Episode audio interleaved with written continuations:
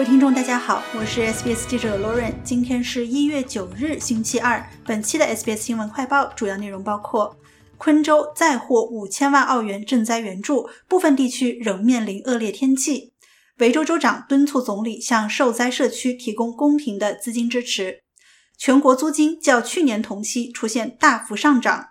德国足球传奇贝肯鲍尔辞世。总理阿尔巴尼斯宣布，政府将向遭受风暴和洪水袭击的昆州部分地区提供进一步的财政援助。昆州最北部和东南部受近期恶劣天气影响的人士将获得五千万澳元一篮子支持计划。昆州东南部的三个市议会辖区也将获得重建拨款。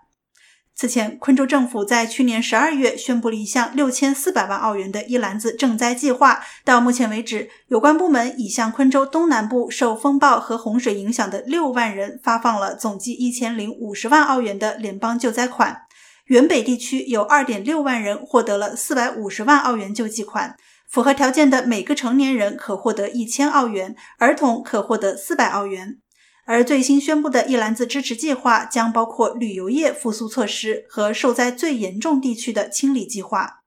与此同时，根据澳大利亚气象局的预报，昆士兰东南部将迎来更为严重的恶劣天气。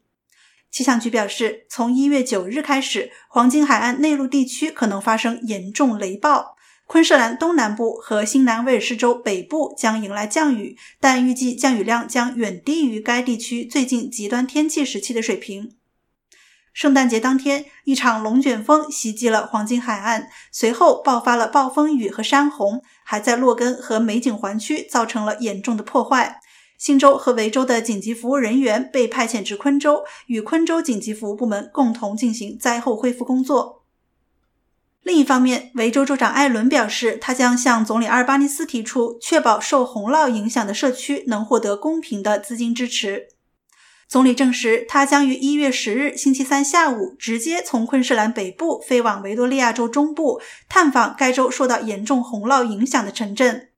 艾伦表示，紧急服务部门正在有针对性地提供支持，因为一些洪涝受灾社区仍在从2022年的洪涝事件中恢复。We will push the federal government for a fair share of funding for.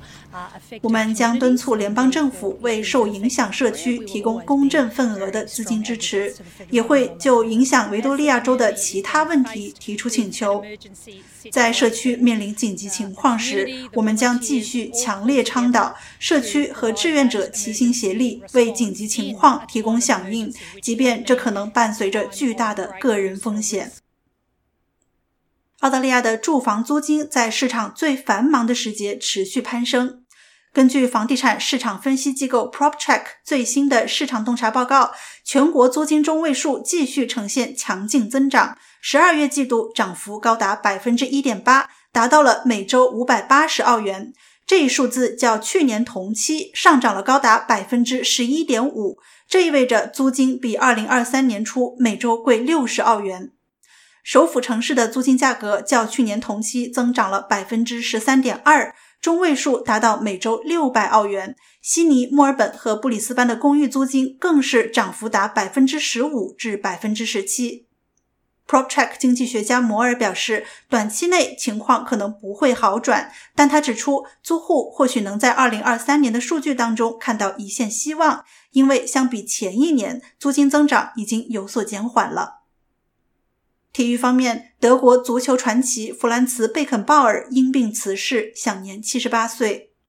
作为球员、教练和管理者，他是世界足球领域最具影响力的人物之一。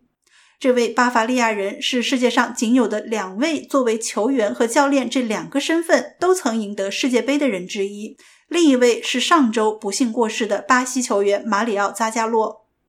贝肯鲍尔也曾作为球员和教练，分别经历了世界杯决赛的失利。随后，在2006年协助德国赢得了世界杯主办权，并参与了组织工作。